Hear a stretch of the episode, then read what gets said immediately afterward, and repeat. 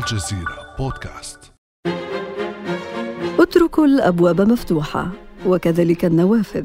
فاليوم جمعة ومحاكم التفتيش ستجول شوارع غرناطة للقبض على كل من يصلي سرا أو علانيه طوى تاريخ تلك الصفحة وصفحات أخرى عديدة حتى وصل العالم إلى عصر فضاء الحرية المطلقة. بالكاد بقي للبيوت في عالم الانفتاح الرقمي والعولمة أبواب أو حتى جدران تسترها.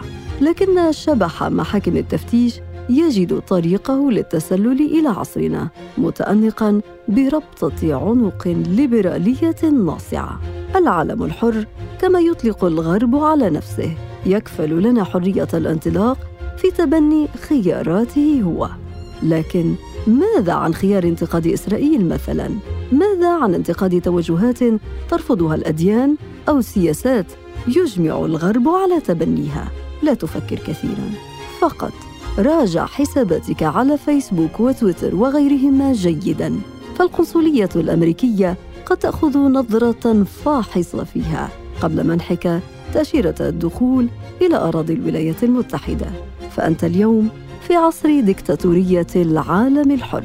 لكن ما هو مفهوم الحرية عند ذلك العالم الحر؟ وكيف يبرر الغربيون فرض قيود على الأفكار والمعتقدات والممارسات؟ ولماذا يلجأ الغرب إلى القمع وفرض معاييره على العالم؟ بعد أمس من الجزيرة بودكاست أنا أمال العريسي.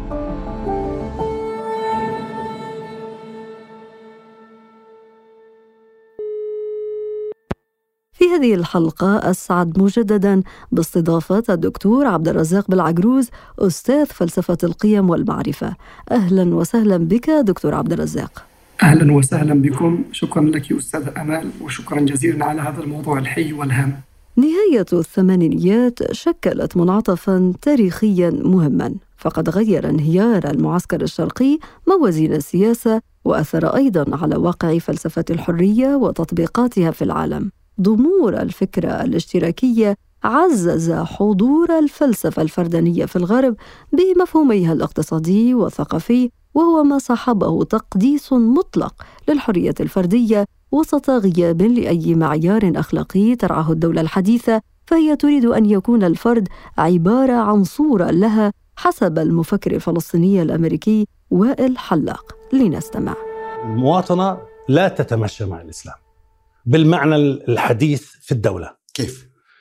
لأن المواطن في الدولة هو ليس فقط إنسان له حقوق وواجبات وهذا هو انتهينا. المواطن هو نتاج صنع الدولة.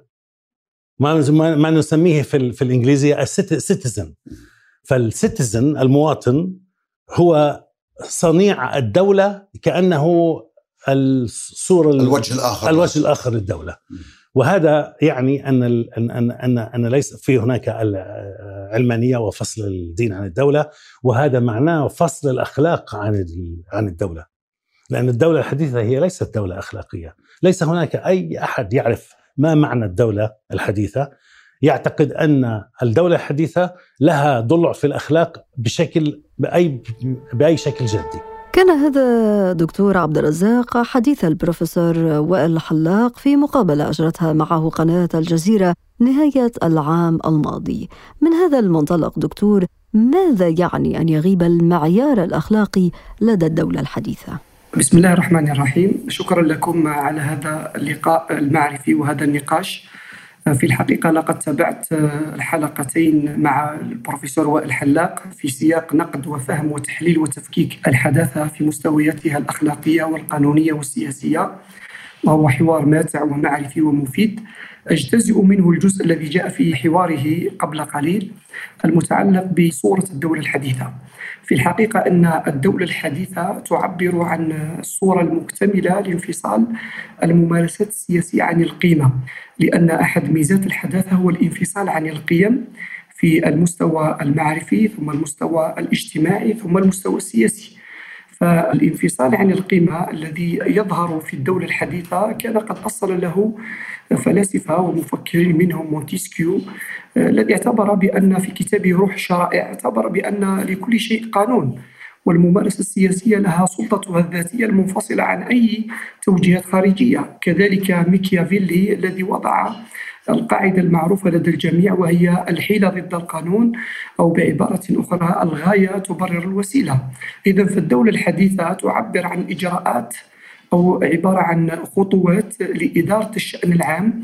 هذه الإدارة للشأن العام ليس من أهدافها أنها تحقق القيم على المستوى الاجتماعي أو على المستوى التسييري إنما لا تهتم بقدر ما أصبحت الدولة الحديثة في شكلها الحالي خاصة الغربية هي القيمة المطلقة التي تعين جميع القيم. بعبارة أخرى أنها باتت هي الذات وفضاءات الحياة الأخرى هي الموضوعات التي تأتمر بها. وعندما نقول الدولة الحديثة نقصد بذلك رؤية أو نقصد بذلك منظور ثقافي أو اجتماعي كما أشرت في بداية حديثك. يمجد الفرد وينبني على أسلوب جديد من أساليب العيش من بين سمات أسلوب العيش الجديد كما يقول تشارلز دايلر في كتابه المتخيلات الاجتماعية الحديثة. يقول أن من أساليب العيش الجديدة هي العلمانية وكذلك العقلانية الذرائعية وأيضا العلمنة والفردانية. الفردانية المنفصلة عن القيمة والفردانية التي تجد قيمتها في ذاتها وليس انطلاقا من شاهدية عليا أو أوامر متعالية على الذات.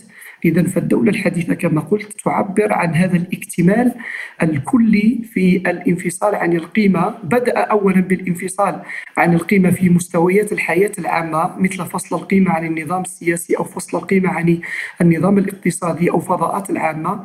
لكن أصبحت اليوم الدولة تعدت هذا المستوى أصبحت تفصل القيمة من الفضاء العام وتتدخل في فضاء الخصوصيات لكي تحول الذات الحديثة إلى مادة استعمارية لا قداسة لها. بناء على كل هذه المعطيات التي قدمتها دكتور عبد الرزاق هل يمكننا القول اذا أن ما شهده الغرب خلال العقود الماضية لم يكن حرية بالمعنى الكامل بقدر كونه تنميطا لثقافته؟ نعم هو في الغرب في بدايته خاصة في عصر التنوير كان يعرف الحرية من أجل الخروج عن نسق التسيير الديني للحياة فكان يعتبر بأن الحرية هي عشق القانون. هكذا عرف فلاسفة التنوير الحرية. الحرية هي عشق القانون.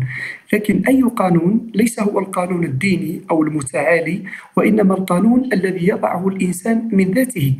لذلك عبر هيجل عن هذا المعنى قولا بأن الإنسان عندما يخضع لقوانين الدولة فهو في الحقيقة ليس يخضع لقوانين خارج ذاته إنما هو يستجيب لقوانين من ذاته أو هو الذي ولدها من ذاته هذه ما نسميها بالحرية التنويرية وهي كانت حرية صلبة إلى حد ما لم تكن يعني حرية بالمعنى الذي نشهدها اليوم، كانت حرية مرتبطة بالقانون الإنساني الذاتي. لكن مع تغير المجتمعات الغربية ودخول أنساق تسييرية جديدة أصبحت الحرية هي قيمة القيم كما أشرت قبل قليل أو أن الحرية لم تعد عبارة عن قيمة في نسق من القيم مثل المسؤولية مثل الإنسان مثل التضامن.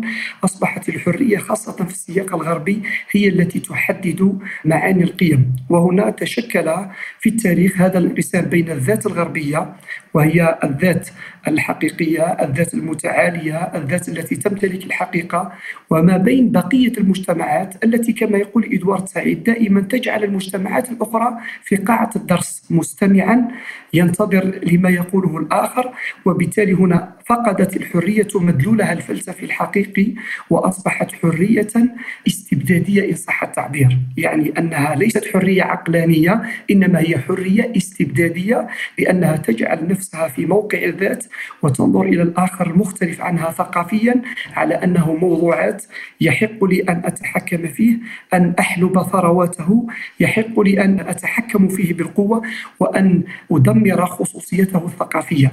لذلك فالحرية التي إذا سمحت لي الأستاذ أمال الحرية التي تشكلت ضمن هذا النسق هي حرية تدمير الخصوصيات الثقافية الأخرى وهي حرية الانفصال عن القيمة وهي الحرية باعتبارها إرادة قوة. هذه هي المحددات الثلاث التي تعبر عن معنى الحرية اليوم.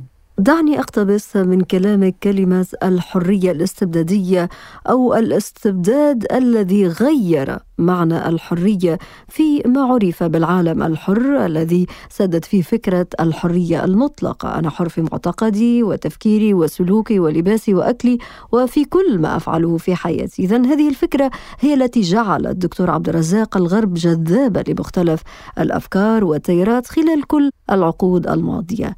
خلال حديثك دكتور عبد الرزاق أشرت إلى نوع من الانتكاسة للحريات العامة والأساسية في هذا العالم العالم الذي تحيا فيه أعتى الدول الديمقراطية. لنستمع في هذا السياق إلى مقطع من تقرير الجزيرة حول ما بات يعرف بأزمة البوركيني في فرنسا وهو فقط مثال للعديد من أشكال تقييد الحريات في الغرب هذه الأيام. هنا الصور التي قال فرنسيون إنها مستفزة. امرأة ترتدي ما يعرف بالبوركيني وهو لباس بحر صممته أسترالية ويغطي كامل جسد المرأة. تتعرض المرأة هنا للتقريع وتجبر على خلع لباسها والذريعة أنه يهدد النظام العام. يحتدم الجدل في البلاد حول حدود الحرية الشخصية رئيس الوزراء يؤيد حظر البوركيني يراه رمزا لاستعباد المرأة فيرد عليه كثيرون بصور لراهبات بكامل ثيابهن على الشاطئ.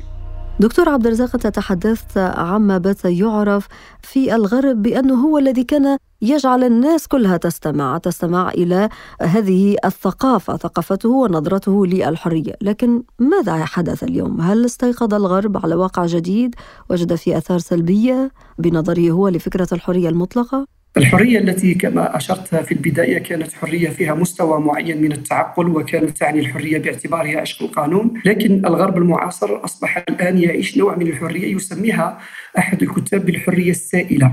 ويقصد بالحرية السائلة هي تحرر الفعل الحر من أي ضوابط أو معايير أخلاقية فهو حر لأنه ذاتي أو لأنه مرتبط بحركة الحقوق الذاتية هو حر لأنه يستمتع هو حر لأنه منفصل عن القيمة ويحاول كما قلت أن يرفض أي اختلاف فهو يدعي الحرية نظريا ولكن على المستوى الواقعي يمارس الاستبداد. وهذا في الحقيقة هناك قانون يسمى بقانون مخذولية الأفكار أو خذلان الأفكار بمعنى أن الأفكار التي لا تسير وفق معانيها الحقيقية ستنقلب إلى عكس مرادها الأصلي وهذا ما نلاحظه. فالحرية لم تسر في الغرب وفق معناها الحقيقي فانقلبت إلى معنى عكسي. ونلاحظ هذا في رفض الثقافة الغربية ليست فقط الثقافة العالمة وإنما حتى الثقافة الشعبية التي نلاحظها أحيانا في القطارات وفي نوع من ممارسة العنصرية على الاختلاف في اللون أو الاختلاف في اللغة أو الاختلاف في الثقافة أو في التدين. وبالتالي فهي حرية ليست حرية مسؤولة وإنما هي حرية سائلة تريد أن تعيش العالم وفق مبتغاها وهذا المبتغى في الحقيقة ليس مبتغى عقلي وإنما هو مبتغى نفسي اشتهائي ويعبر عنه أحد العلماء الاجتماع المعاصرين يقول لقد باتت الثقافة الغربية المعاصرة رديفا للحرية والتمتع والجنس والخروج عن المعيار. إذا فهذه هي الصياغة الحية للحرية. حرية الخروج عن المعايير حرية الاستمتاع حرية رفض وضع إلزامات مهما كانت هذه الإلزامات على الذات. فالذات الحديثة أصبح الذات لا تقبل بأي إلزام. فما بالك بأن ترى امرأة ترتدي البوركيني أو إنسان يصلي في الشارع أو أشخاص يقيمون مأدبة في رمضان؟ فهنا يرفض أو أنها حرية غير ملتزمة. حرية لا تريد أن يكون عمادها الالتزام لأنه في البداية كان عماد الالتزام ديني خاصة في العصر الوسيط ثم أصبح التزام عقلاني لكن اليوم أصبح الخروج عن الالتزام رأسا وهذا ما بات يعرف بثقافة ما بعد الأخلاق. يعني ثقافة الحرية ثقافة الذاتية ثقافة المتعة ثقافة النرجسية بشكل خاص. طيب دكتور عبد الرزاق كل هذا التغير هل هو تغير برأيك مفاجئ أم أنه نتيجة لتراكمات؟ خاصة وأن شواهد كثيرة أنت ذكرت بعض الأمثلة ولكن نذكر أيضا هناك الكثير من القضايا التي باتت مقيدة في الغرب مثلا تقييد انتقاد إسرائيل مهاجمة من يرفضون دعم المثلية الجنسية وغيرها. هناك يعني تغير في المجتمعات الغربية من الحداثة إلى ما بعد الحداثة. هناك تغير من ثقافة الأخلاق إلى ثقافة ما بعد الأخلاق. هناك تغير من فكرة الواجب والالتزام إلى فكرة الخروج عن الواجب والإقبال على الحياة بصورة جمالية. وبالتالي فهذا التغير في الحقيقة يعكس نوع كما قلت من الحرية السائلة وليست الحرية المسؤولة. حرية كانت نتيجة تراكمات وهذه التراكمات في أصلها تراكمات معرفية وتحولات اجتماعية. منها مثلا هذا الإقبال الشديد على الثقافة الاستهلاكية. وكذلك الإشاعة الإعلامية لبعض الأفكار مثل الأفكار الماركسية التي ترفض القيم الأخلاقية وكذلك الأفكار النيتشوية النسبة إلى نيتشه الفيلسوف الألماني الذي يمجد إرادة القوة بصورة مطلقة ويتهكم على القيم المتعالية والقيم الإنسانية ككل. إذا فهناك نوع من الترويج الإعلامي لهذه الفلسفات. هذا الترويج الإعلامي أصبح يسكن في العقول وفي النفوس ثم تحول بعد ذلك إلى سلوكات سلوكات وممارسات اجتماعية. الآن الخطاب الغربي وعندما أقول كلمة الخطاب أقصد بذلك نموذج عيش كما يقول وائل حلاق. فالخطاب هنا ليس هو فقط الكلم الخطاب هنا هو أسلوب أو نموذج عيش يعيشه الإنسان الغربي ضمن هذا المستوى الاجتماعي بشكل خاص. إذا فهذه التراكمات وهذه التحولات من العلاقة الإيجابية مع الواجب إلى القطيعة مع الواجب من العلاقة الإيجابية من القانون إلى الخروج على القانون هي التي جعلت هذه الحرية كما قلت السائلة. فكرة الحق أصبحت عبارة عن ميزان أو أصبح وسيلة من أجل تدمير خصوصيات معينة ومنها مثلا لا نيكروفيليا أو النيكروفيليا التي تعني حق التمتع بالجسد الميت. وأصبح هناك خاصة في بريطانيا جمعيات تريد أن تحول كما حققت في مرحلة معينة الحق المشروع للمثلية الجنسية. أصبح الآن ينادى بهذا الأمر ويريد أن يتحول إلى إطار قانوني ويمر عبر المؤسسات القانونية ويصبح امرا عاديا. ولذلك كما قال ليبوفيتسكي أصبحت الثقافة الغربية رديفة للتمتع ورديفة للجنس ورديفة لهذه الحرية السائلة. النيكروفيليا هي حق التمتع التمتع بالجسد الميت. وهذا في الحقيقة شيء مصادم للفطرة الإنسانية. وهذا في الحقيقة شيء يعني تمقته الذات السوية. لأن الإنسان الغربي الذي انفصل عن القيم كما يقول باومان تخدى روازعه الأخلاقي ولم يعد لديه استجابة لمبادئ الأخلاق. مستوى مأساوي فوضى حقوق حرية استبدادية في مجتمع دولة ما بعد الحداثة في الغرب. ولكن ألا يشعر الغرب دكتور عبد الرزاق أنفسهم؟ يعني فضلا عن بقية العالم بأن شعارات الحرية لم تكن سوى قناعا وسقط اليوم؟ نعم فعلا. هي أقنعة وعندما نزيل هذه الأقنعة ونرى الحقيقة ماذا نجد خلف الأقنعة؟ نجد إرادة قوة. نجد ذات غربية نسبية تريد أن تتسيد تريد أن تخلق العالم على صورتها. لا نجد الحرية فهي حرية كما قال المفكر الجزائري مالك بن ربي إنها تشع من الداخل فقط لا تشع على الغرب أو على الآخر نحن في الجزائر قرأنا نصوص فولتير عن التسامح ولكن هل تسامح الفرنسيون معنا في الجزائر؟ خمسة ملايين شهيد وأكثر منذ دخول الاستعمار الفرنسي إلى الجزائر إذا حدثنا فولتير عن التسامح حدثنا ديدرو عن الحرية ولكن لم نلقى على يد الإنسان الفرنسي في الجزائر إلا القتل والتدمير والاعتداء وتحريف الثقافة وتدمير حتى الخصوصيات العمرانية والثقافية للإنسان الجزائري وللمغرب ككل.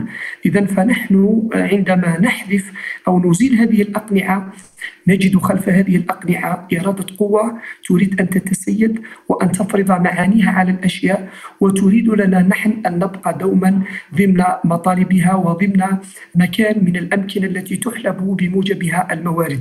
وما يزيد الأمر خطورة دكتور عبد الرزاق هو واقعنا اليوم هو انكشاف البشر على بعضهم البعض من خلال الفضاء الرقمي وما يوفره من فرصة إضافية للغرب لممارسة قمع عابر للحدود. أنت ذكرت مثالا من تاريخ الحرب الطويلة الأمد بين فرنسا والجزائر فماذا تقول عن هذه النقطة؟ نحن في فضاء مفتوح اليوم دكتور عبد الرزاق. نعم ولكن هو فضاء مفتوح ولكن هذه الانفتاحية هي نسبية لأن المؤسسات الإعلامية والرقمية ليست يعني تبيح أو تتيح للآراء أو الاختلاف.